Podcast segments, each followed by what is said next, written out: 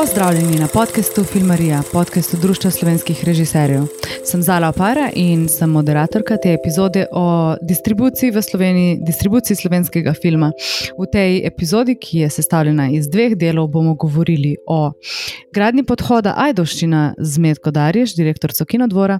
Rene Puhar nam bo povedal, kaj se dogaja v Mariboru, kaj se dogaja z kinovdarnikom in kaj se dogaja s kini pod zvezdami, kako izobražujejo mlade, odrasle in starejše občane o filmski vzgoji in kako jim primankuje prostorov.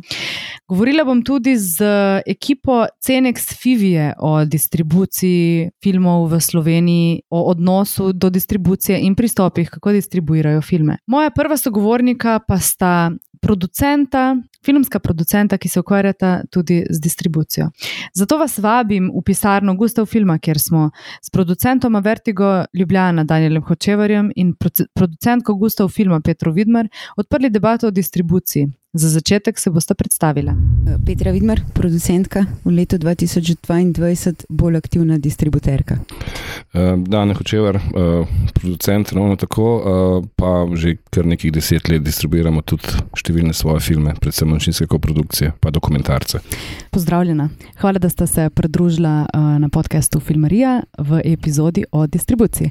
Mogoče začnemo s tem, da povemo, kaj je distribucija, da vidva povesta neke svoje uh, poglede na to, pa mogoče tudi komentirate, kakšni so problemi uh, v Sloveniji, kar se tiče distribucije, in uh, kakšna je nekako trenutna situacija z distribucijo v Sloveniji. Mm, jaz bi rekla, uh, ko bomo se zdaj pogovarjali o distribuciji, bomo večinoma govorili o kinodistribuciji.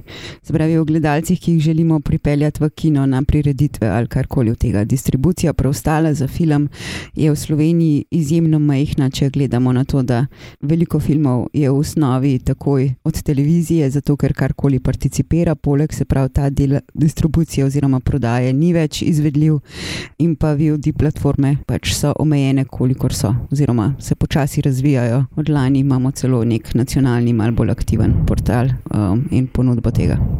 Ja, to je res. Ja. Kino distribucija je tista, pri kateri smo, ko govorimo o, o slovenskih filmih, uh, slovenski producenti vedno bili aktivni, tudi takrat, ko smo imeli distributerje ali pa ko imamo distributerje, ker pač skrbimo za ta promocijski del in smo zelo aktivno upeti v promocijo filmov, tako da v bistvu poznamo z te plati.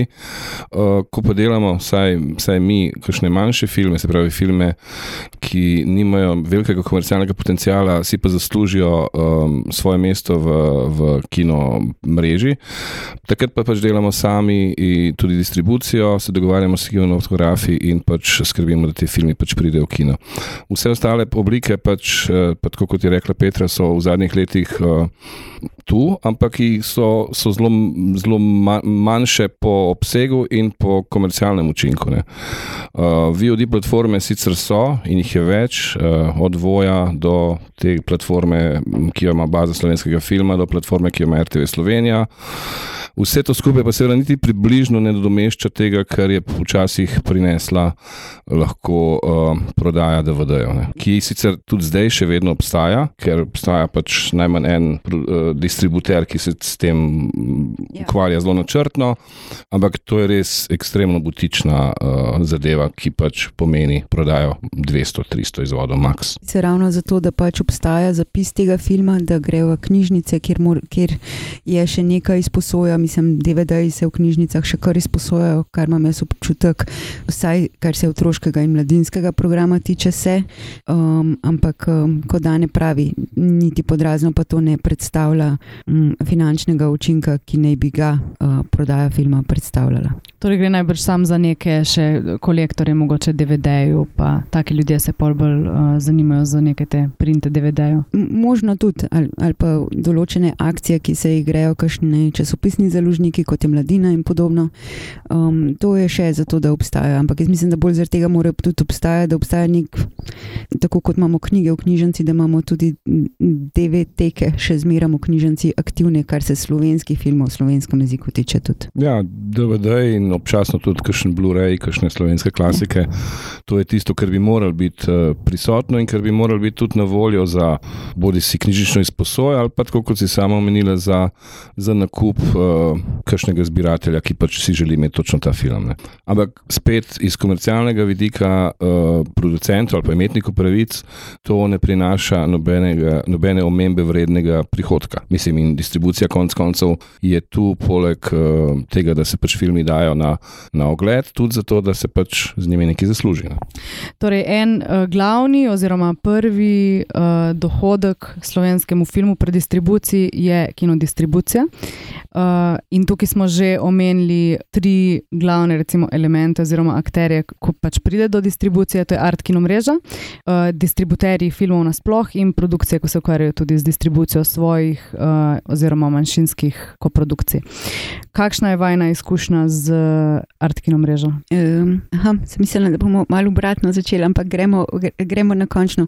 Uh, moja osebna izkušnja z art kino mrežo je seveda dobra, mislim, brez tega, če se ne bi um, Slovenija tako zgodaj podala v digitalizacijo kinodvoran, v nabavo pač projektorjev in vsega tega, bi bilo precej hudo pri nas, glede na to, da smo drugače pač samo večji kraji, um, so imeli multiplekse ne, um, in se je z ukinitvijo 35 projekcij pač še v tistih krajih, kjer so imeli včasih vsaj delno kino, vse zamrlo za nekaj časa. Tako da art kino mreža je absolutno neka mreža, ki bi jo bilo treba pač malo bolj tudi podpirati.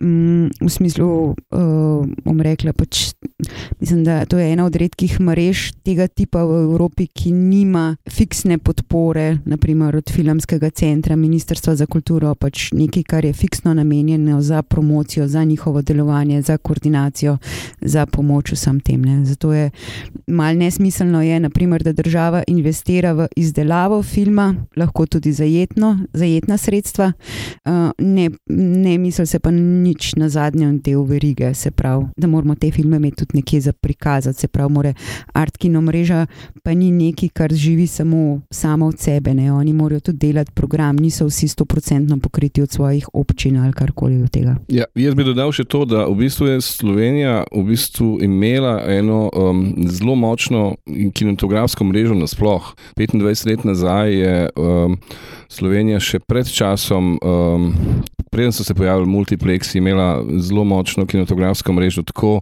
teh, rečemo, bolj komercialnih podjetij, kot ki so imeli pač sedeže v večjih mestih, kot so recimo Ljubljana, Maribor, um, kjer sta bila kinematografske podjetji, ki so upravljali z več dvoranami, pa Kran, recimo še ne. Kot seveda v teh manjših krajih, kjer so pač uh, bili kinematografi, ki so bili del nekih uh, javnih kulturnih domov, zavodov in tako naprej, ki so funkcionirali pač uh, na način občasno počasnih, ampak rednih projekcij. Po letu 2000, ko so se odprli prvi multiplexi, je prišlo do nekega popolnoma nepotrebnega razkroja, ki je bil v bistvu celo umetno spodbujen. Ne. V Ljubljani je lastnik multiplexa v bistvu bila firma, ki je sprivatizirala ljubljanske kinematografe in zato, da bi pač privabila več občinstva v multiplex, umetno spodbudila propad mestnih dvoran. In potem se je s tem na dolgi rok in še z nekaterimi drugimi stvarmi, o katerih zdaj ne bi pač eh, razpravljali, zgodil v bistvu en razpad sistema, ki je sicer še nekih deset let relativno dobro funkcioniral, potem pa je začel propadati. In na srečo se je v tistem času začela digitalizacija in so se te manjši kinotografi povezali v to art kino mrežo in so na nek način ohranili um, razpršenost kinodvoran po Sloveniji ne? in s tem pač ustanovili to art kino mrežo, s katero pač zdaj lahko sodeluješ in znotraj katerega lahko vrtiš umetniške filme.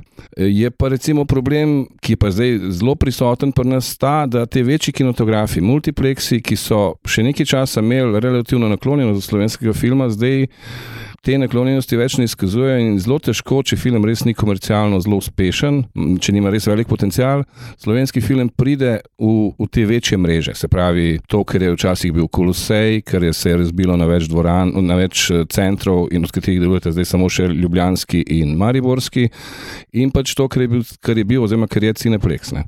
In to je zdaj v bistvu po mojem še ena dodatna, en dodaten izziv, ne. ker včasih je tudi relativno zahteven slovenski film igral v teh dvoranah, zdaj pač je obsojen samo na, ali pa recimo na Artkino mrežo, ne? kjer pa je pač težava v tem, da je filmov preveč. Ker gre tudi večinoma v te Artkino mreže, se moramo zavedati, da ima kino dvorane, naprimer v teh svojih občinskih večnamenskih dvoranah, kjer potekajo še drugi programi, kjer imajo še koncerte in vse podobno. Ne? In to, kar je dane omenil, pač od te razpršene mreže, če rečemo Ljubljane, pred tok in tok leti, ne, da imamo, naprimer, da Kinovič ne obstaja več, ker je bil pač umetno ustvarjeno, da se je pač to uh, uničilo. Da nimamo več kinomojce, kjer je bil namensko za mladino um, uh, kino, kjer so se vrteli pač kvalitetni filmi, njim namenjeni, se pravi, da se niso iskali prostora posod. Seveda, uspešnice so bile posod, ampak tam je bil stalni kinomojce, je bil stalni program, vse šole so vedle. Se to zdaj skuša kinobalon nadomestiti, ampak kinobalon nima nam cel dan na voljo dvorane za svoj program, naprimer, da bi lahko otroci pač hodili od šolskih aktivnosti do popodanskih. Ne, ali pa pač ne, kino Šiška se je spremenil, pa sem pa tja nas gosti, uh, pač da je spet uh, tudi kino. Ampak ne, Bežigrad, koliko časa je bil zaprt, preden se je najdel nek privatni uh, uh, interes to ja. peljati naprej. Kino Komuna, konec koncev, ki je čudovita dvorana in uh, postajali so načrti, da bi tam bil en, en miniplex že pred vem, 20 leti, pa žal do tega ni prišlo. Ne. Konec koncev Kino Union, ki no. bi tudi moral biti mesto prvega, prvega miniplexa ali pa multiplexa za več dvoranami pred skoraj 30 leti, pa je pač Ampak, če postal hotel. Ja, vsi smo bili, če, tudi kino je bil mečkan žrtv tranzicijskih aktivnosti in pohlepa. Ja, ampak ne? na en tak tipičen slovenski način, ne, bi ja. rekel, tako kot v bistvu uh, tranzicija v slovenskem gospodarstvu, spravo, ni se zgodila tako kot v vzhodnji evropskih državah, takoj na začetku 90-ih, ampak je ta nek relativno uspešen sistem deloval še kar nekaj časa, potem se pa sesul vase zaradi slabih, bi rekel, ekonomskih odločitev. Ja. No, tako da pač, če odgovoriva ti pač Artkino mrežo um, uh, podpiramo, mislim, da jo je treba pač na nacionalni ravni še mečkam bolj strukturno podpirati, zato da bo močnejša, da bojo imeli um, interes um, delati še naprej pač in se truditi. In tudi, da, bo, da si bodo lahko sami zagotovili neke kapacitete, da uh, poskrbijo tudi za film. Da... Sveda, se treba tudi ljudi, mislim, se morajo imeti tudi oni kot ne vem, neka kinodvorana, pa prosim, da ne bo kakšen kino užaljen. Tudi neka kinodvorana pač v Mariboru, naprimer, ki bi se hotla iti mestni kino, pa art kino, mora imeti osebje, ki je izobraženo o filmu. Ne? Tudi če želijo voditi, če želi pač nek ta kino delati otroški in mladinski program, kot je kino Balon, pač mora imeti izobražene ljudi, ki to znajo, ki so pač se kakorkoli izpopolnjevali. Pač zato pravim, da so to strukturne uh, podpore potrebne, da pač potem imaš to v lokalnem okolju pač in lokalno prebivalstvo ima kaj od tega. No? Če že govorimo o decentralizaciji v Sloveniji. Ja, pa, pa v bistvu uh, nekako bo treba zagotoviti, in to jaz mislim, da je dejansko lahko samo z eno investicijo, ki pač seveda pride iz samih lokalnih okolij, pa dobro bi bilo, če bi bila podložena tudi z, nekim, um, z nekimi sredstvi na državni ravni. Treba je zagotoviti take, take dvorane. Um, vseh slovenskih večjih centrih, ne, recimo pač Artkino mreža je, je v bistvu nastala na pobudo samih kinotografov. Ne. To ni bil nek eh, projekt, ki bi ga nekdo uh, načrtno od neko druge pripeljal, ampak so se sami združili. In kolikor je super, da obstaja in da, da, da je prisotna v tistih okoljih in tistih krajih, kjer dvorane so, toliko je v bistvu težava, da v bistvu je kar nekaj sivih list. Ne. Recimo, da, da, da ni dvorane, ni dvorane za umetnost umetniški kino ali pa za kakršen koli kino v Kranju. Mislim, bil je tisti miniplex, ki ga je upravljal Kolosej, ki zdaj mislim, da po epidemiji se ni več odprl, ali pa tudi če se je, je, um, je v bistvu za pozabiti. Kran ima Cineplex, ampak to je druga stvar. Kran je tudi če en mestni kino. Tako, se je za to. Jaz, jaz govorim o tem, ne, da tam ni recimo take dvorane, ni take dvorane v novem mestu, kjer sicer je zdaj pobuda in vem, da bo, da bo, mestna, da bo mesto obnovilo neko dvorano, kulturni, kulturni kulturni dom, ki pač bo umetniški kino ali tudi umetniški kino, ampak do, te, do takrat bo še poteklo nekaj časa. Ni dvorane, kot si že omenila, v Mariboru, ne, kjer je bil pač kino Udarnik, ki je pač še ena žrtev tranzicije, pa kino Partizan, ki je druga. In zdaj se pač ta pobuda v Ljudskem gledališču odvija, ampak to je zaenkrat še ad hoc zadeva, v povojih, ja. v povojih. In še bi se našlo kakšno mesto, ki nima recimo take neke strukturne ali pa jasne, jasne um, usmeritve v to smer. Ne. Sej vidimo tudi, kako težko je, naprimer, celju, kjer, imam, kjer je pa zelo, zelo iz, samo iz naslova um, zelo predanih ljudi, da sploh še je, glede na to, da pač more. Um, Ustanova za res plačevati najemnino mestu, zato da pač lahko ima film um, mesto, mislim, v mestu, da ni v, pač v centrih, kjer pač ne pride do svojega mesta. Da pač so, da se narediti spodbude, vse pa pač seveda izvira od tega, pač tudi, um, koliko damo mi kot um, vsi skupaj v tej verigi, namenimo temu in promociji teh filmov, in pač kako nam je v interesu jih pripela do teh gledalcev. A mislite, da, bi- da imamo v Sloveniji letno dovolj filmov, da bi, se, da bi lahko v vsakem kinu, v art kino mreži, oziroma da bi bil, bil vsaj en človek, ki je odgovoren za uh, Koordinir- distribucijo slovenskih film, filmov po celi art kino mreži? Pa se jaz mislim, da se ni treba samo na slovenske zares omejiti. Ne? Če govorimo pač, mislim, filmov je, je veliko, predvsem zato, ker demo, n, n, ne smemo govoriti samo o dokumentarnem filmu, Sej, mislim samo o igranem filmu, moramo govoriti še o dokumentarcih, ki so na voljo, o kratkih filmih, o animiranih filmih in tako naprej. Tako da jaz mislim, da absolutno, če bi bila oseba, ki bi vedela za vse filme slovenske, kako prihajajo, ki bi znala potem skoordinirati in skomunicirati pač vse te filme naprej po art kino mreži, da bi bilo to dovolj dela. Samo pač bom pa tako rekla, ne, če jih primerjam, tako kot je pri nas v produkciji, ponavadi nam zraven pade še mnogo drugih nalog. Oziroma, ne vem, če to zares potrebno, da je ena oseba za polni delovni čas zaposlena celo leto samo za koordinacijo tega. Že z malimi dodatki se da kaj narediti, če bi pa bila, bi se pa seveda lahko hitreje profesionalizirali, oziroma imela ta oseba čas narediti kakšne analize, um, razdeliti kakšne akcije in tako naprej. Uh, jaz mislim, če zdaj čisto konkretno, direktno odgovorim na vprašanje, jaz mislim, da ne glede na, na ekspanzijo um, in slo, produkcije teh filmov, sproti seveda ni zadostne. Um, je pa verjetno, bi, ali pa verjetno bi pa bilo mogoče narediti zanimive programe, ki bi se pojavljali redno v nekih terminih, se pravi, bodi si novi filmi, igrani dokumentarni, bodi si neki programi kratkih filmov, animiranih filmov, bodi si neke klasike. Um, se pravi, z programskega vidika me ne skrbi. Ne. Meni je bolj, um, mi- mislim, da je večji izziv to, da je struktura članic Artkino mreže tako raznolika. In že to, kar je Petra prej povedala, da imajo pač zato kulturni domovi, ki imajo različne programe, gledališke, glasbene, filmske, um, da ne morejo razpolagati s to dvorano non-stop, da so tam tudi seveda privatne m, firme, recimo m, Kinometropol v celju je pač zasebna pobuda. Se pravi, da so si tako raznoliki, da je nekako težko koordinirati nek program na splošno. Bi bilo pa seveda zanimivo videti, če je mogoče priti do nekega konsenza, tako znotraj Artkina mreže na eni strani, kot recimo na drugi strani med producenti in distributerji, da bi se pač ponujali neki programi, ki bi se naredili za recimo vsako sezono ali pa za prvi del, pa drugi del sezone in bi se potem nekako poskušali z neko tako skupno promocijo nekako nadgraditi potencial vseh teh filmov. Mislim, s tem bi bilo treba začeti, treba bilo poskušati najprej na manjšem nivoju in potem pač dvigovati to zadevo. Ne. Bi pa vsekako to pomagalo. No. Ne, se strinjam, absolutno bi pomagalo.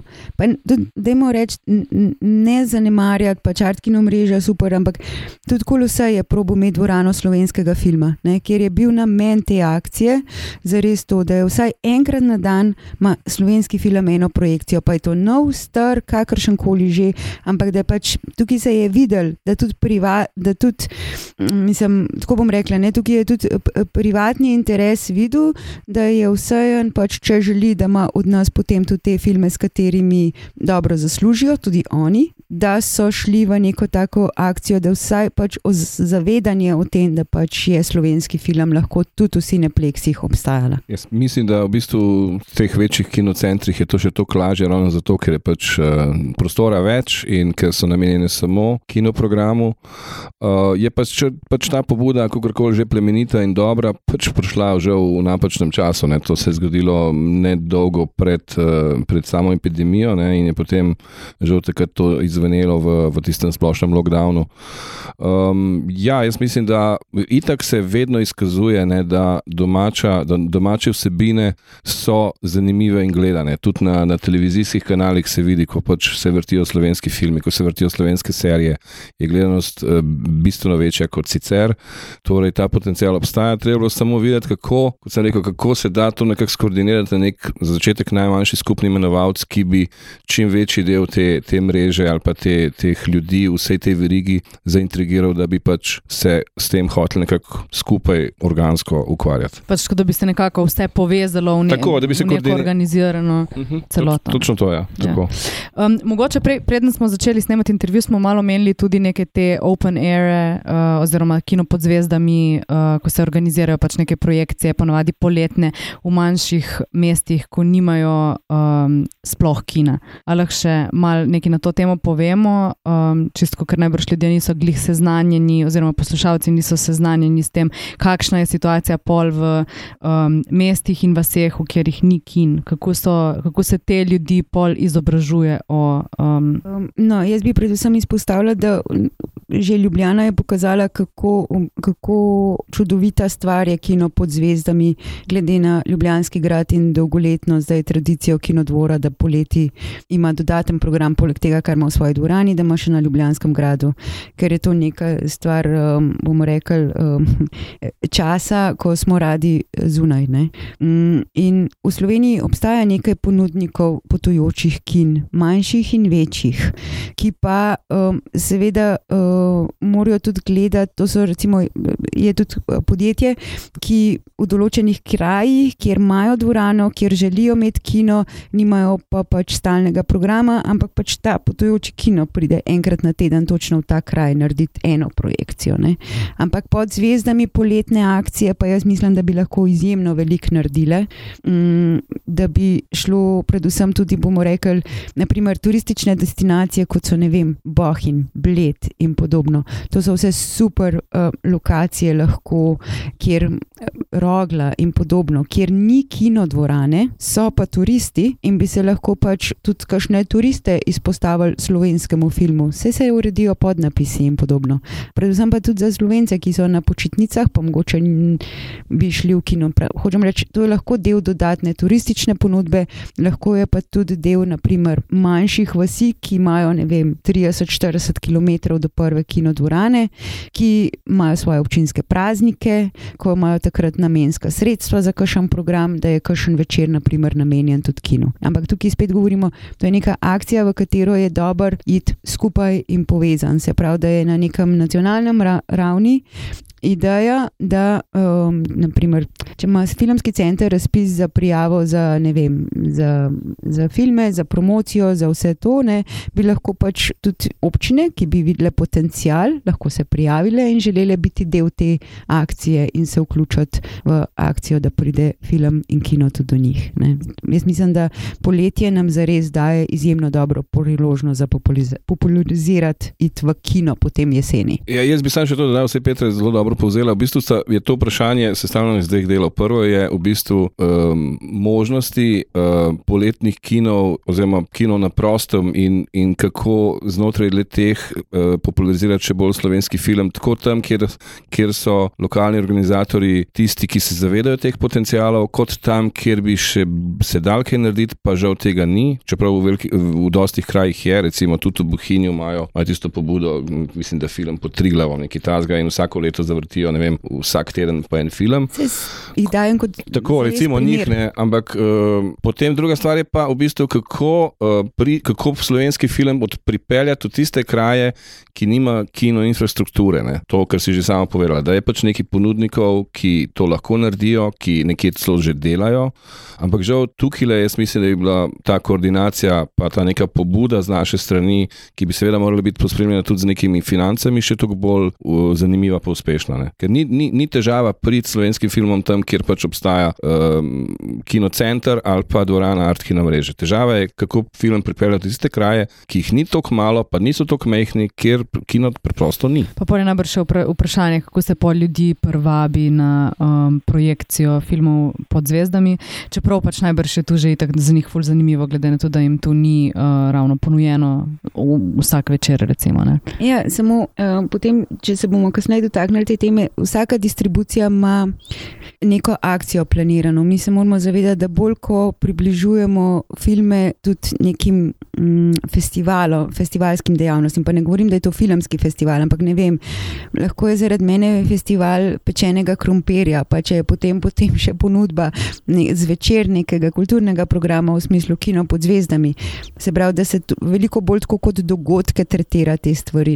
In, in jaz mislim, da samo, mm, da samo na ta način zares lahko prideš na kaj tazga. Ne, ne moramo reči, da bo to, kar bi, kar bi delovalo v prekmorju, isto delovalo na krasu. Ampak ne, Ja, tukaj, pa mislim, tukaj pa mislim, da je potreben ta uh, res velik input uh, ljudi iz teh lokalnih okolij, ki pač dobro poznajo uh, nek, neke tendence ali pa, ali pa načine, ne, kako ljudi pripeljati v kino. Ne.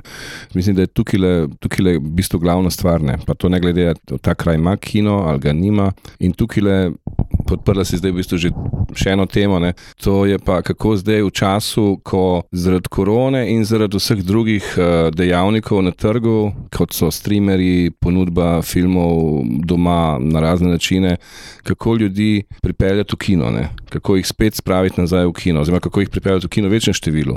In to je v bistvu tisto, um, do česar pol prideš, ko pač želiš film, ki recimo ni največja komercialna uspešnica, ampak je nek zanimiv, kvaliteten umetniški izdelek, uh, spraviti v kino. Pač ta event distribucija, ne? ta neka posebnost vsakega filma, ne? o kateri pač že razglabljamo vsaj desetletje, je zdaj pač prišla do tega, da je pač res treba delati. Za vsak film drugače, za vsak film zelo tailor-made, če hočemo, in, in prilagoditi ga nekemu občinstvu, za katerega mislimo, da je tisto najpomembnejše za ta film.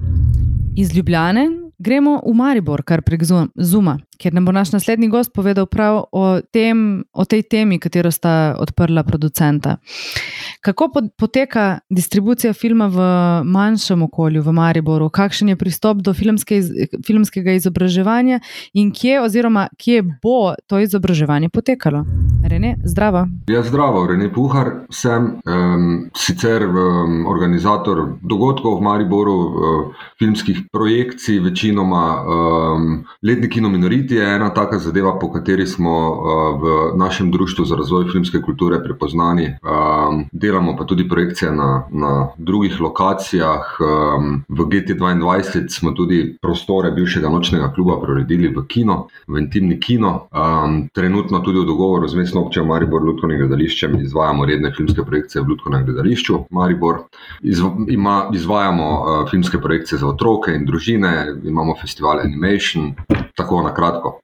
Zveni, kot da ful dobro poznaš uh, svojo publiko in tudi tako nekako, ker zdaj sem zaznala tako širok spekter uh, ljudi. Hm. Če dobro poznam svojo publiko, ja.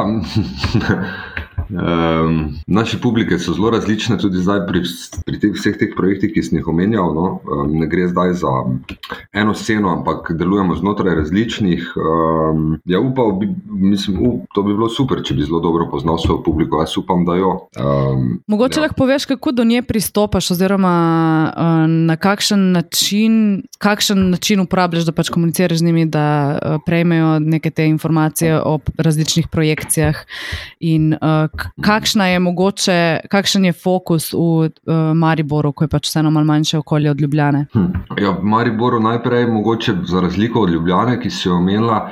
Verjetno ni toliko tolk tega predznanja o filmu samem, pa tudi scena oziroma pač ta neka baza ljudi, ki um, redno obiskujejo kulturne dogodke ali pa takšne malo bolj um, dogodke umetniškega značaja, je dosti manjša. Um, tako tukaj pri nagovarjanju moramo mi, po moje, eh, dosti krat uh, urad samo ledino, no, pa nastopati neki tudi izobraževalni funkciji.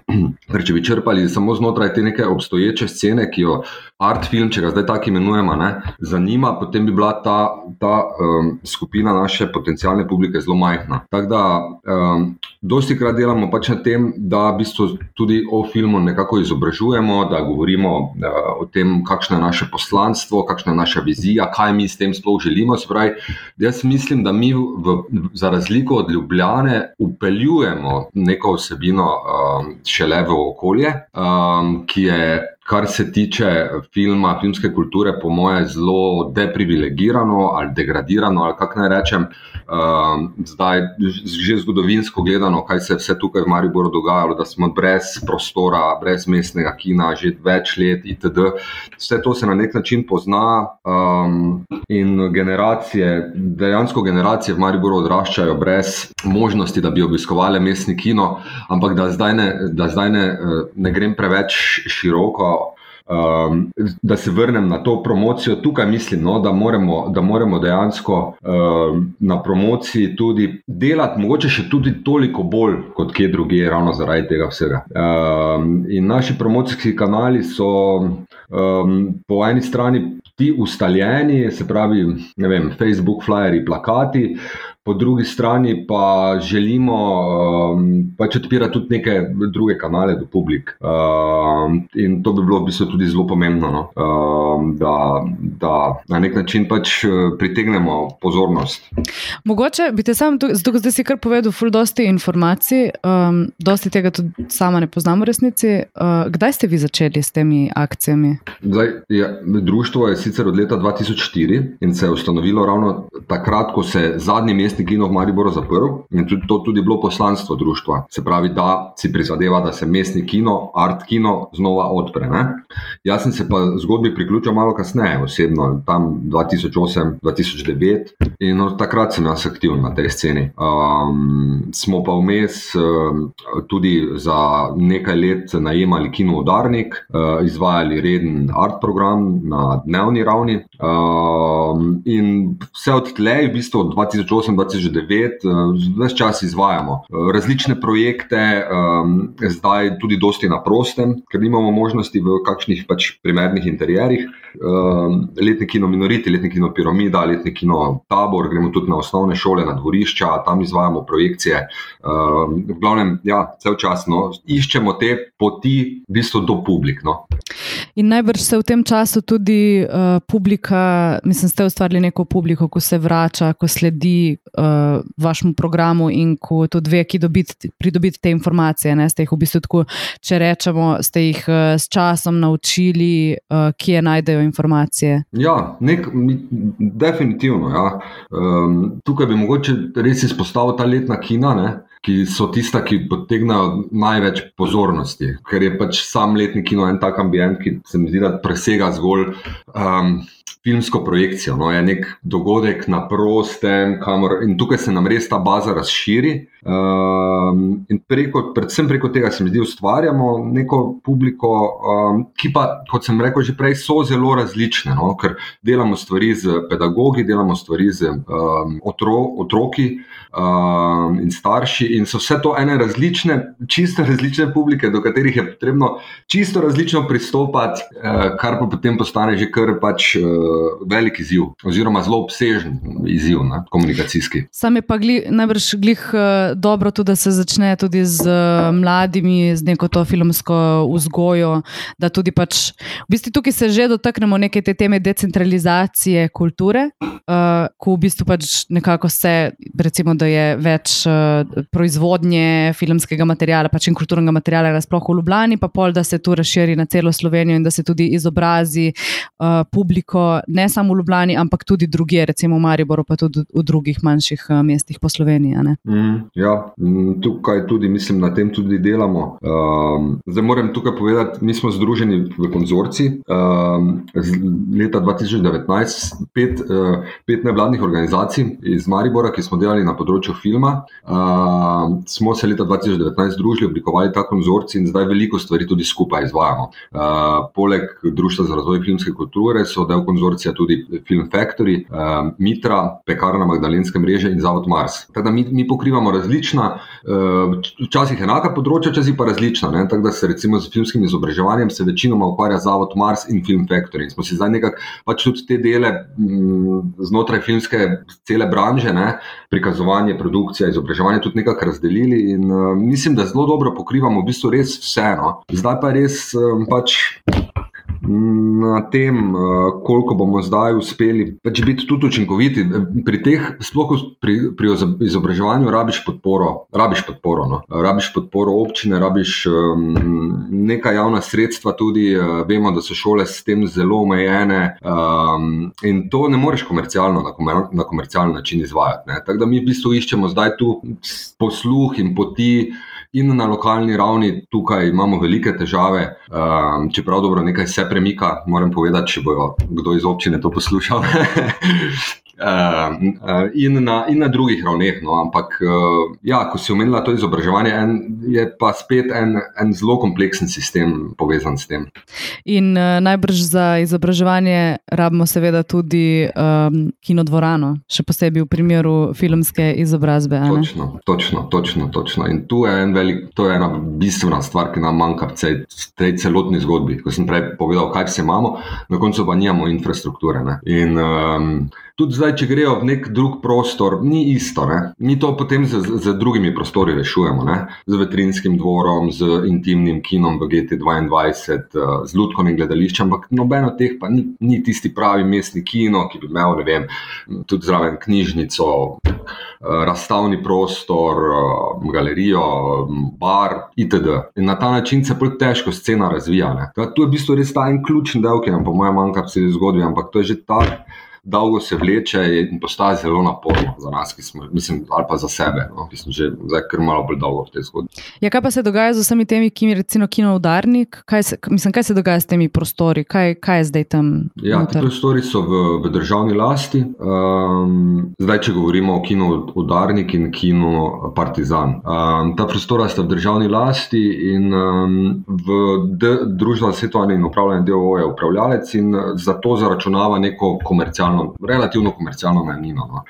Um, tako da mi eh, smo ustanovili tekom vsega tega dogajanja, ki ga tudi zdaj opisujem, Zavod Udarnik, ki je med letom 2009, 2010 in 2015 deloval in plačeval to najemnino Društvo za svetovanje upravljanja DOO, ampak ni bilo več mogoče. To je bilo tudi ogromno prostovoljnega, entuzijastičnega dela, ki je bilo na začetku leta dve še šlo, ampak pol to čez čas um, postaja zelo težko. In smo bili pač primorani 2015 iti z, z tem zavodom Udarnik, ki je upravljal s kinom, oziroma najemal kino Udarnik v stečaj. Um, tako da v bistvu iščemo zdaj neke druge poti, ker ne gre na ta način, da bi zdaj kar ustanovili m, posamezniki zavod ne? ali pa nevladna organizacija, da bi zdaj to vzela pre, preobsežno, je, takšno upravljanje z z kinom, brez, brez stalne um, javne podpore. Um, tako da zdaj, v bistvu, ja, um, kaj je z drugimi? Z drugim, potem pa še Kino Union, ki je v lasti Kitajcev in ga trenutno nimajo namena prodati.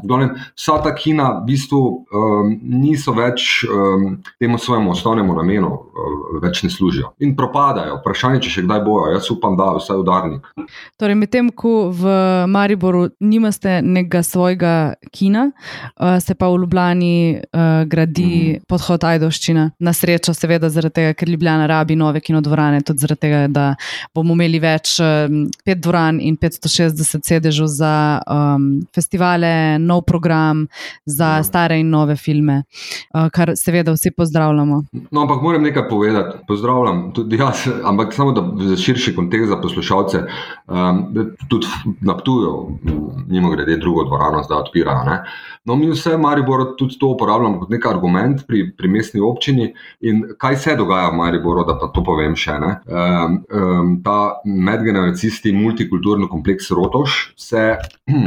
V bistvu se trenutno načrtuje izgradnja te, tega kompleksa v središču mesta, to je tik ob glavnem trgu. Uh, in v, znotraj tega kompleksa, to bi bilo podzemno, uh, je načrtovana poleg knjižnice, galerije, tudi kinodvorana. Uh, do tega projekta naj bi realiziran, naj bi bil v roku, hm, ne vem, zdaj malo na pamet, 2024-2025, tu nekje no v roku 3-4 let, tudi z državnimi sredstvi sofinanciran. Uh, ampak mm, mm, vprašanje, če je zdaj to tono, jaz mislim, da ni.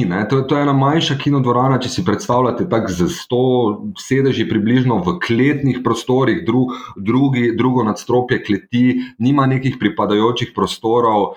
Um, ne vem, jaz se pač bojim, da bi to zdaj bilo, da bi rekli, da ja, je to, no, zdaj pa ste dobili to, kar zdaj že cel čas nas gnjavite, ampak da, bi bili, da bomo s tem mogoče še, dal, še bolj oddaljeni do nekega proper, primernega mestnega kina, prostora, posvečenega filmu, filmskega svetišča, ne, um, da bomo še bolj oddaljeni s tem od tega. No. Te, to se po eni strani bojim. Tako da to je, to je dvorezen meč, ta, ta zdaj projekt, ne, ki se pripravlja. Pa še to samo da povem, trenutno pa izvajamo program v Ljudskem gledališču Maribor, redne tedenske, enkrat, dvakrat na teden, zdaj že pro, projekcije art programa. Um, ne vem, da bo zdaj ta podcast objavljen, ampak čez danes je petek, čez dva dni imamo premiero sicer tudi z, z gosti um, in redno izvajamo no, dokumentarne premjere, tudi um, zelo raznolik program v Ljudkovnem gledališču. Kdo pa to koordinira z vaše strani? To je v organizaciji konzorcija preomenjenih organizacij in v sodelovanju z, z Ljudkovnim gledališčem in mestno občino Maribor, ki ta program tudi finančno podpira. Hvala Reneju za opis situacije v Mariboru. Z najnega zum pogovora bomo skočili v kinodvor na pogovor kmetki Dariš. Uh, jaz sem Medka Dariš, uh, direktorica Kinodvora, mestnega kina. Me veseli, da si se nam pridružila na uh, podkastu o distribuciji slovenskega filma. Mislim, da um, je Kinodvor kot javni zavod, ki je v centru Ljubljane, pomembna institucija, ki distribuira slovenski film in ga predstavlja publiki in ljubljan, ljubljančanom, konc koncu. Um, mi dve smo se pa tukaj le dobile v Kinodvoru, v mali dvorani, um, zraven najne dvorane predvajajo uh, film, ki ga je slišati v ozadju. Um, smo pa tukaj zaradi tega, da nam poveš, kaj se dogaja s podhodom Ajdoščina, kakšna je aktualna situacija. Aktualna situacija je, da čakamo 14. marec, ko naj bi bil sprejet novi prostorski načrt mesta Ljubljana, ki je zadnja prepreka, da pridobimo gradbeno dovoljenje. To se pravi, uh, dokumentacija za pridobitev gradbenega dovoljenja in vseh mnen, pač vseh, ki, ki morajo dati svoje mnenje glede glede na posege v tisto okolje. Tukaj govorim predvsem o raznih kanalizacijah, napeljavah in tako. Um, skratka, to se čaka, vse je pripravljen uh, in potem uložimo to vlogo, da dobimo gradbeno dovoljenje. Gradbeno dovoljenje pomeni to, da se lahko začnejo vse dejavnosti v zvezi s to samo lokacijo.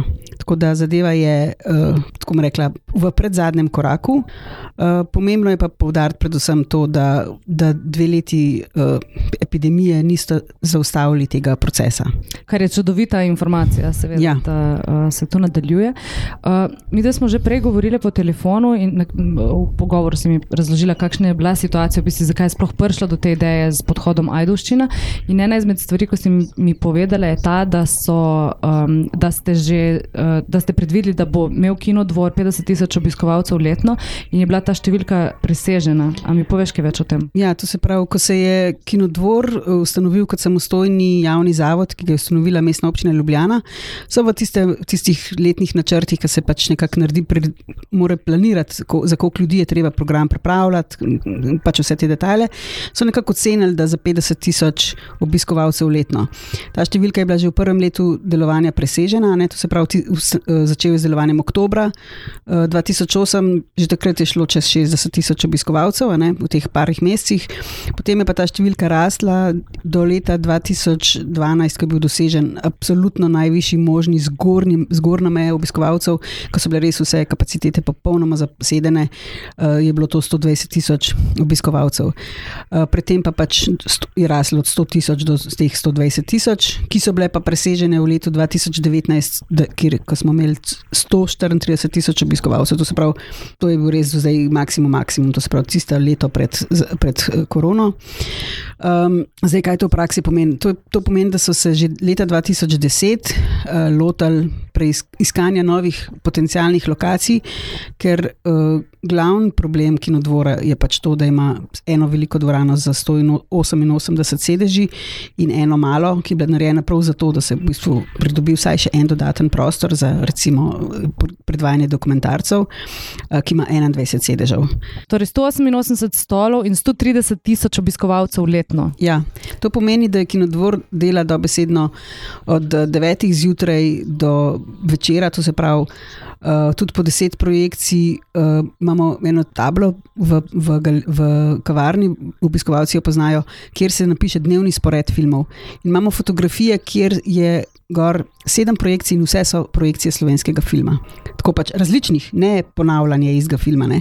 Tako da do deset projekcij na dan imamo, kadar je pač vse v redu. Eh, izvajamo programe filmske vzgoje, imamo šolske projekcije, imamo festivale, 13 festivalov, običajno, kadar je vse v redu. Eh, tako da dobesedno pokal je po šivih, oziroma še dobro, zdaj v teh zadnjih dveh letih po drugih šivih, ampak pokal je po šivih in dejansko se je res začel iskati dodaten prostor, kjer bi lahko filmi bom rekla, se njihovo življenje se dlje časa, kako naj rečem. Če, lahko bi bili dlje na sporedu, ker bili smo pri, primorani pro, filme, ki so dobro delali, kot se reče. Imeli še veliko obiskovalcev, veliko zanimanja. Smo morali dati z programa, zato ker so v vrsti čakali že naslednji filmi, ki so čakali na svojo priložnost v kinu in na distribucijo. Tako da uh, zato je prišlo sploh do te ideje mini-pleksa, kar pomeni, da ima pač kino še nekaj več dvoran, kar bi omogočali tudi recimo. Um, da bi se festivali razširili, da bi vsak, vsi festivali, s katerimi sodelujemo, imajo ravno tako pomankanje prostora za svoj program. Prav, recimo Animateka, ki je en ve, največjih pač festivalov za animiran film, oni so že šli na področje filmske vzgoje in tako naprej. Lahko bi se še bolj specializirali recimo, za določene žanre, lahko bi določene eh, delali fokuse. Mislim, skratka, vsi festivali bi se lahko, poleg tega, kar so do zdaj delali, uh, še razširili v smislu vsebine, uh, mogoče eh, specializacije za določene teme, žanre, karkoli. Tako da uh, vsebin je ogromno, zanimanja gledalcev uh, očitno tudi dovolj. Uh, tako da to je bil res, nek, res nekako logičen naslednji korak. Torej se lahko strinjava s tem, da uh, za slovenski film ni dovolj dvoran in ni dovolj kapacitet. Uh, pri slovenskem filmu je pa pač drugače. Pa recimo manj ljudi na posamezni projekciji in zato pač delamo bolj intenzivne, jih naredimo manj, pa so te bolj intenzivno promovirane, in pa pride več ljudi na tisto eno projekcijo, ki se morajo potruditi, da jo ujamejo. Ne, to je taka psihološka, da ima reči, psihološko programiranje, če lahko temu tako rečem, kjer ti v bistvu, uh, ne bom rekla, da, da, da, mečka, da se morajo ljudje potruditi, da nekaj dobijo in to znajo tudi potem bolj cent. Uh, določeni filmi rabijo nekaj časa, da se dobesedno od ust do ust razširi, da je film vreden ogleda oziroma da je zanimiv ali karkoli. Ker dejstvo je, da ti lahko narediš ne vem kakšno promocijo, uložiš v določen film, enostavno ljudje pač ga mogoče ne zaznajo, ne, se ne prepoznajo v promociji ali karkoli. In dejansko je treba počakati, da ljudje, ki jim zaupajo, slišijo, da je ta tak film zanimiv in potem pridejo. Tako da za slovenski film bi bilo absolutno odlično, da je pač več dvoran, ker to pomeni, da ob vseh ostalih filmih lahko nek film slovenski ima dolgo življenje. En tak primer so bile recimo Aleksandrinke, ki so v mali dvorani bile predvajane res dolgo in so res tudi ene izmed najbolj gledanih filmov dokumentarnih v kinodvoru. Povedala si mi, da je Mol uh, ustanoviteljica kinodvora. Uh, kako je bilo z iskanjem uh, prostora? To je tudi kar zanimiva zgodba. Ja, uh, ja to se pravi od leta 2010 nekje se je začel iskati, kje bi lahko kinodvor imel še dodatne dvorane. Tako da se je najprej se je preverjal najbližje, recimo tle zelo blizu podhodu do ulic, do Miklošičeve ene je bil, mogoče se spomnijo starejši obiskovalci, je bil Kino Kompas, ena taka manjša dvorana uh, in se je preverjal recimo to lokacijo, to bi bila ena dvorana zelo blizu. Pač zaradi nekih lasniških razlogov je to pač, skratka, cel kup enih se je preverjal, tudi recimo, ne vem, Bežigrad, preden se ga je, še, preden se ga je zdaj tako lepo, krasno oživili in tako naprej. Uh, pa druge lokacije, tudi recimo po mestu, um, uh, profesor Koželj, uh, mestni urbanist, uh, je na seminarju na, na faksu za arhitekturo.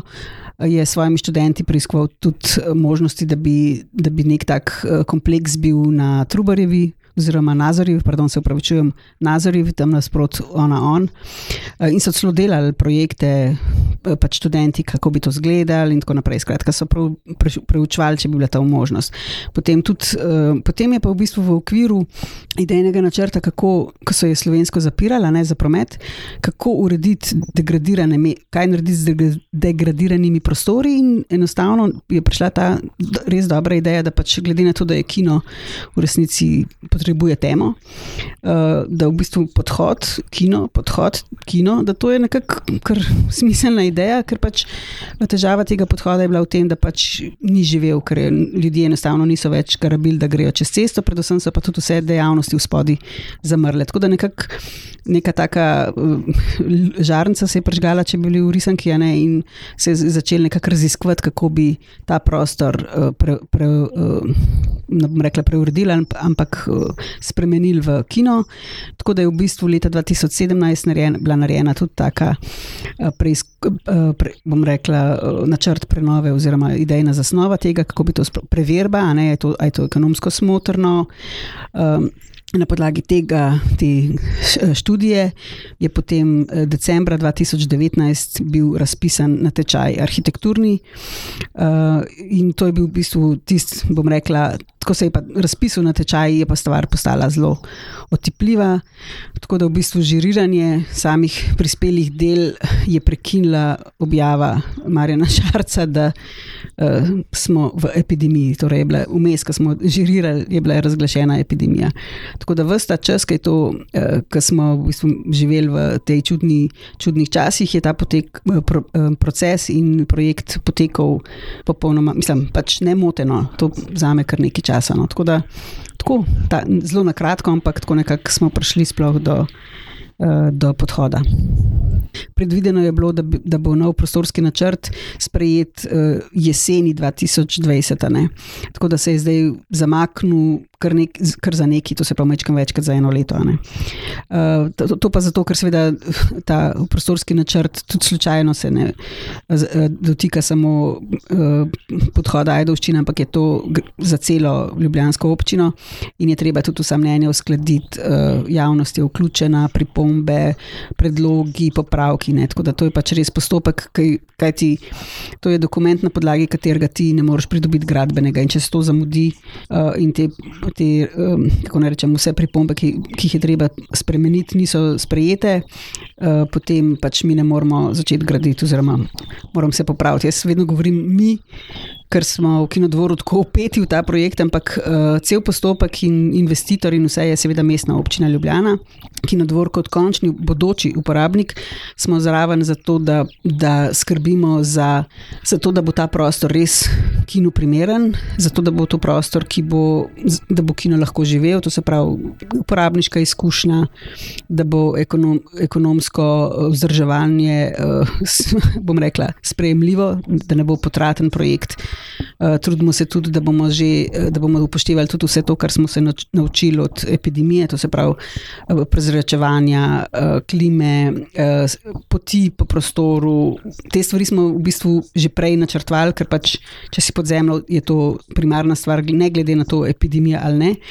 Ampak smo potem zaradi epidemije še dodatno, še enkrat preverili, tako da smo študiramo, pač dobesedno strokovnjaki za klimo, postajamo, ker želimo, da imamo tako, ki omogoča v primeru, to so zdaj zelo take tehnične in dolgočasne zadeve, ampak eh, tako, tako ki omogoča v primeru nečesa podobnega, kot je, bil, kot je bila korona, uh, povečanje kapacitet, to se pravi, da je še močnejša, da še lahko dodatno še, še ukrepimo. Ne. Tako da uh, zelo smo upeti v ta projekt, ker je ker je pač uh, nujno, da, da je prostor tak, da mi vemo, da bo uspešen kot prostor za, za kino. Tako da ste tudi najbrž uh, zelo pleteni v nadzor uh, gradnje in vseh načrtov. Mislim, gradnje še ne, ker gradnje še ni. Uh, zelo smo upleteni v, uh, v sodelovanju z mestno občino, uh, ki vozi postopek, uh, vodi postopek in predvsem s projektanti. Mm. To se pravi, mi smo že uh, pred samim natečajem pripravljali opravljali projektne, uh, projektno nalogo, da so sploh lahko natečaj pravilno zastavili, to se pravi, da je temeljil na podlagi tega, kaj kino potrebuje. Uh, potem, ko je bila, ko je bila izbrana uh, prva nagrada, oziroma ta, te, ki so projektanti, ki so pro, uh, projekt potem uh, zdaj ga peljejo, vozijo, vodijo, projektirajo. Uh, smo naredili še eno projektno nalogo, uh, ki je bila specifično prilagojena na izbrani projekt. Ne, takrat je bilo na splošno, zdaj pa že konkretno, to se pravi za ta izbrani projekt, uh, kjer smo pač uh, zelo podrobno razložili vse specifike uh, tehnične uh, projekcije, brezhibne, kaj to pomeni za kabine, kako morajo biti uh, sploh narejene, kaj vse je v kabini, koliko morajo biti velike in tako naprej.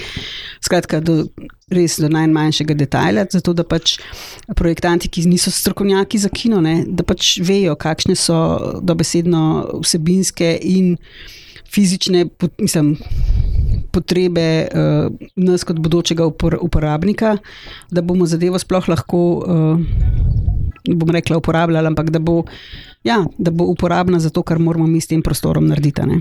To je pa predvsem to, da je to živ kino, da kino živi in da pač ga obiskovalci vzamejo za svojega, tako kot, ga, kot kinodvor na kolodvorski. Ko se pridobi gradbeno dovoljenje, ker pač postopek tudi pridobitve bo nekaj časa trajal. Uh, mi bomo že predtem uh, s projektanti lotili zadnje faze uh, priprave dokumentacije, in to je uh, priprava izvedbenih načrtov na podlagi teh načrtov pa lahko potem MOL razpiše uh, iskanje, oziroma se začne iskanje izvajalca. Uh, potem pa, potem pa v, tem, v tem naprej bomo pa lahko začeli šele časovnico pripravljati, ker bo tudi ocena, koliko časa bo vsaka posamezna faza uh, vzela. Uh, tukaj zraven je samo še ena stvar in sicer, seveda, kjerkoli v Ljubljani, kdorkoli zasadi lopato, uh, morajo priti uh, arheologi pogledati, uh, da ni česa tazga, kar bi se lahko uničilo, oziroma pridejo zavarovati, pregledati, analizirati in tako. Uh, tako da bomo probali. Če se bo dal, da bi, te, da bi vsi ti procesi potekali usporedno, torej medtem ko bi mi, mi spet mi, medtem ko bi projektanti pripravljali to zadnjo dokumentacijo za, za iz, oziroma izvedbene načrte, si prizadevamo, da bi da bi v bistvu arheologi že svoj del lahko upravljali, uh, da bi to usporedno potekalo, ne, ne, kar bi pokrajšali postopek. Torej, v najboljšem primeru bo, bodo dvorane uh, odprte kdaj? v, v zadnjem mesecu naše stoletnice, to se pravi v letu 2023. Ampak da se to zgodi, mora iti res čisto vse, brez, kako naj rečem, res tako, bom rekla, optimalno, moramo imeti tako res veliko srečo, uh, drugače pa potem. Uh, pa se pa pač zamika. Ne. Uh, zdaj, tako bom rekla, mečken, uh, ne vem, sreča v nesreči, um, cela ta epidemija in tako naprej, in uh, to, da se, da se sam začetek delovanja uh, minipleksa zamika, za nas niti ni tako zelo problematično, zato ker pač enostavno mi si želimo v tem času, to se pravi, zdaj smo govorili zelo tehnicistične stvari, torej o tem, kako se bo gradil, kopal, ne vem kaj še vse. V tem času mi nameravamo, torej v kinodvoru uh, pa prideti nazaj na nivo leta 2018. Uh, 2019 bo kar težko, ne? to je bilo res rekordno, rekordno, rekordno leto, ampak zadovoljni bomo že, če bomo prišli na nivo 2017, 2018, to se pravi. 100 tisoč, 120 tisoč, mislim, ne rada govorim tako o številkah, ki zveni tako, da imamo merilec glav na vhodu. Uh, ampak v bistvu treba je povedati, da te številke so samo prodane vstopnice. Ne. Potem imamo pa mi še približno 5% uh, drugih dogodkov, ki so brezplačni, recimo letni kinodvor na kongresnem trgu, kjer imamo tudi do 4000 obiskovalcev, ampak to je naše darilo. Ljubljančanom in Ljubljančankam, in je, so brezplačne projekcije. Ne. Da ne omenjam, da sam tam se pa šteje, ker so na Ljubljanskem gradu, pač so vstopnice, se pač kupuje. No. Tako da ja. Kaj pa kapacitete dvoran? Kako bo, torej, kak bo dvoran? Aha, evo, uh, zdaj le imamo. Se je ja. odprla mala modra knjižica, v kateri so zapisane vse točne številke ja. in drumroll. Ja, torej, imeli bomo pet dvoran, od tega eno veliko, predvidenih približno 260 sedežev srednja dvorana, približno 110 sedežev, dve mali dvorani po 60 sedežev in ena, uh, pardon, ena mala dvorana uh, po 70 sedežev. To se pravi, se zdaj razume. Dve po 60, ena mala po 70, skupaj približno 560 dodatnih sedežev. Uh, poleg tega bo tam še en večnamenski prostor, um, festivalska pisarna, uh, uh, pr mobilen prostor za, za uh, otroke in mlade. Uh, na površju bo tako zelo diskreten, ker ne sme biti, ker pač ne sme prepovedane, mislim, bile so omejitve stroge. Uh, zelo diskreten, mehen paviljon, v katerem bo seveda uh, kavarna, vzunaj znotraj, uh, seveda tudi uh, prodaja vstopnic in tako naprej. Tisti prvi stik z obiskovalci, ker se nam je zdelo nujno da je uh, kino označen na, površ, na površini. Ne? To se pravi, da je točka, nekakšna simbolna točka, da tam spodaj je pa kino. Tako da mi, mi ga že vidimo, mi ga že gledamo zdaj, od uh, kdaj so bili rezultati. Uh, pomlad 2021, ne, pomlad 2020, pardon, se upravičujem, smo že videli, kako bo to izgledalo. Že vidim tako velik napis, kino dvor. Tudi s tem se bomo še ukvarjali, kakšen bo ta napis, uh, ali kako bomo zdaj se recimo ukvarjamo s tem, bomo, kako, bomo, kako bodo obiskovalci vedeli, da, da, gre za, da gre za kinodvor, ampak da ima kinodvor zdaj dve fizični lokaciji, uh, da, bo, da se bojo znajdeli, da bodo videli takoj. Ta film je v Ajdovščini igra, ta film na Kolodvorski. Tako da tudi s tem se ukvarjamo, kako kako bojo z, pravi, z vizualno podobo, z označevanjem, z, kako bomo strukturirali programe, kaj se bo v kinodvoru na kolodvorski ohranili, uh, katere vsebine bodo recimo v miniplexu kaj se bo dogajalo, da besedno od ure do ure v, v prostorih. Da, prej smo govorili res samo o nekih teh tehnično-arhitekturnih in zelo, za večino ljudi dolgočasnih stvarih. Sporedno, seveda, poteka vse drug, drugo načrtovanje, potrebno za delovanje precej razširjenega kinodvora. Ločnice. Mi vidimo oba prostora kot en kinodvor. Uh, zagotovo bo prostor v Miniplexu omogočil to, da bo recimo hkrati da bo potekel reden program, medtem ko se bo recimo festival odvijal. Pričemer bo festival lahko imel v ta največji dvorani, seveda, tiste, tiste stvari in vsebine, ki zahtevajo dovolj prostora, ne? usporedno bojo pa lahko neke manj, ne bom rekla zanimive, ampak recimo dobesedno vsebine, ki je manj ljudem, ki ima manj gledalcev, bodo pa lahko nemoteno potekala v manjših dvoranah, obenem pa bo nam nemoteno recimo, še vedno na sporedu, da se bom zmislil na Krt, ki je letos najbolj gledan film, nek tak dobesedno. Pač res krt, pač bil je na sporedu in še vedno dela. Uh, skratka, medtem bojo lahko določeni filmi na sporedu, dokler bojo z, uh, zanimanje med obiskovalci. Ne? ne, da bi to zmotili, uh, da bi se moral festival umikati, oziroma uh, da bi se film moral umikati festivalu. Uh, sožitje več filmskih vsebin hkrati. To je to je cilj uh, vsega tega. Ne? Zato, ker uh, obiskovalci se ne prekrivajo. Ne? Mi imamo obiskovalce, ki jih zanima nekaj, ki jih zanima nekaj drugega. Uh, in v bistvu zdaj na teh, v zdajšnjem kinodvoru se mora film umakniti, recimo, ko je festival, mi ne moramo imeti rednega sporeda. Nimamo, pač, ni to tako, da v eni dvorani pa še naprej je na sporedu, zdaj se bom spet bom rekla, Almodovar, ker pač Almodovar napolne in ima publiko lahko zelo dolgo. Uh mhm. -huh. Torej se lahko strinjava, da več kot je kin, več je tudi gledalcev. Absolutno. Več kot je kin, več je gledalcev, ki hodi gledati film v kino, več kot je kin, več, uh, uh, mislim, več je navad obiskovanja kina, uh, več kot je kin, več je raznolikosti.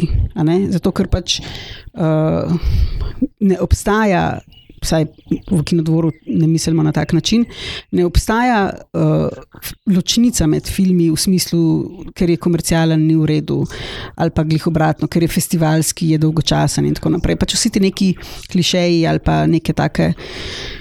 Bom rekla, čudni predsotki. Uh, pač to ne drži. Mi, mi vidimo, kot vsa kina so naši zavezniki, vsi smo zavezniki v tem. Ker končni cilj je, pač to, da kino preživi. Ne? In tudi kino se je vedno prilagajal situaciji, uh, to ponavljam zelo pogosto. Prerokovali so mu smrt že skoraj pri vsaki spremembi tehnologije. Ta prva stvar, ki so vsi rekli, je zdaj pa konci s kinom. To se nikoli ni zgodilo, zato ker pač. Uh, skupna značilnost kina je res to, da si ljudje želijo filme ogledati skupaj z drugimi. In recimo, imeli smo par odzivov obiskovalcev, en je bil tak res zanimiv paradoks. Uh, ena obiskovalka nam je napisala v smislu, tako rada grem v kinodvor na, eh, sama. Uh, ali pa še najrajši s svojim fantom, uh, in potem sva tam skupaj z drugimi, sama na svetu. Oh, wow. ja, mislim, tako, ker mi govorimo, da ja, hočeš gledati film v družbi, ampak lahko je, kot želiš, lahko se potopiš v film in se ti zdi, da si res sam z njim, s filmom.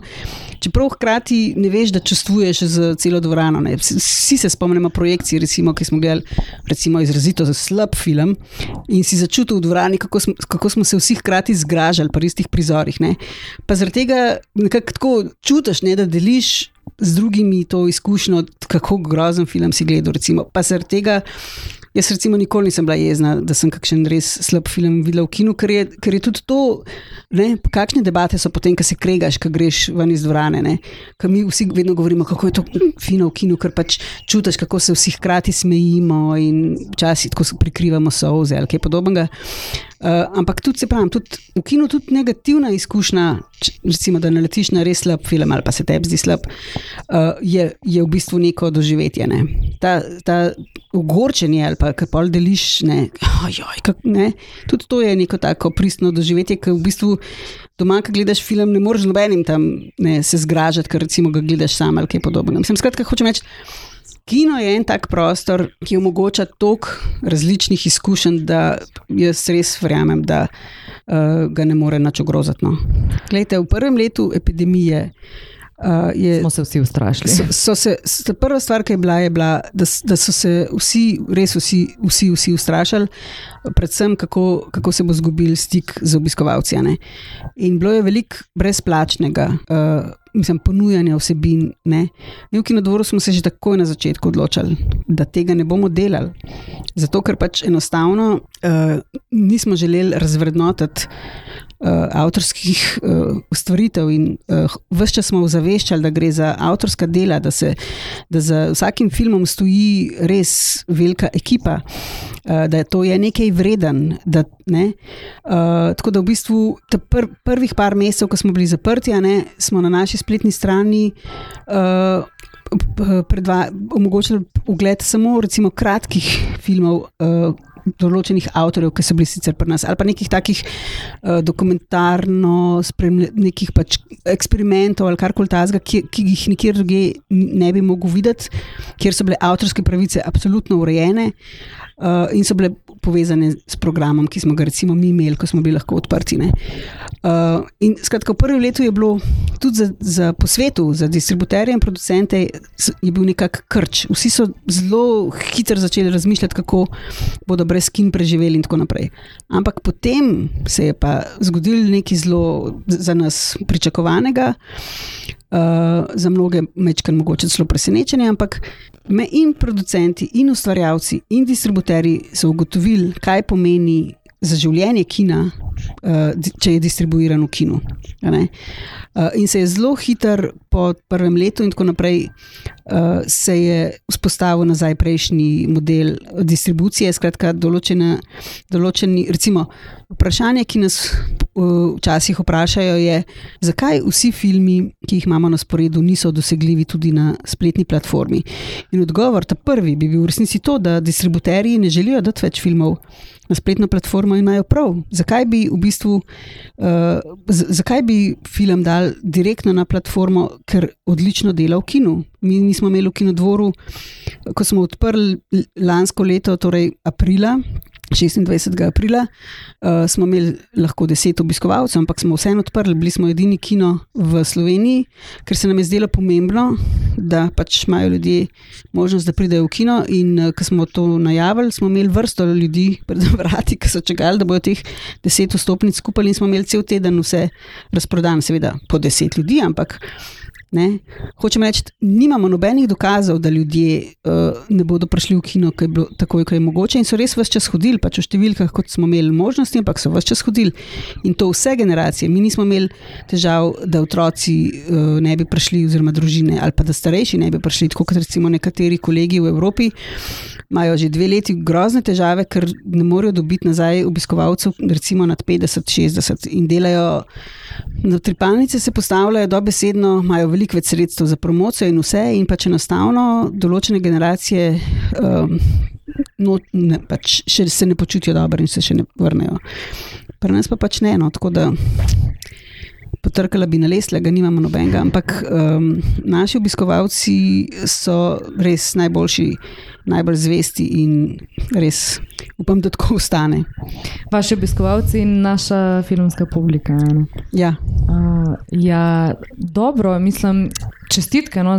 Fulno pa tudi, da so v bistvu, da, da ljubljančani res tako sprejemajo kinodvorko, kar neki, neki svojega, svojega, našega. Ja, v bistvu, ja. Sej, mm. sej, mislim, kino je. Kako ne rečem, kino je namenjen ljudem. Ne? To je v bistvu film in kino, to je eden, eden najbolj demokratičnih medijev, to je prostor že od začetka, kjer so se, kjer v bistvu, to so se vsi lahko prvoščali.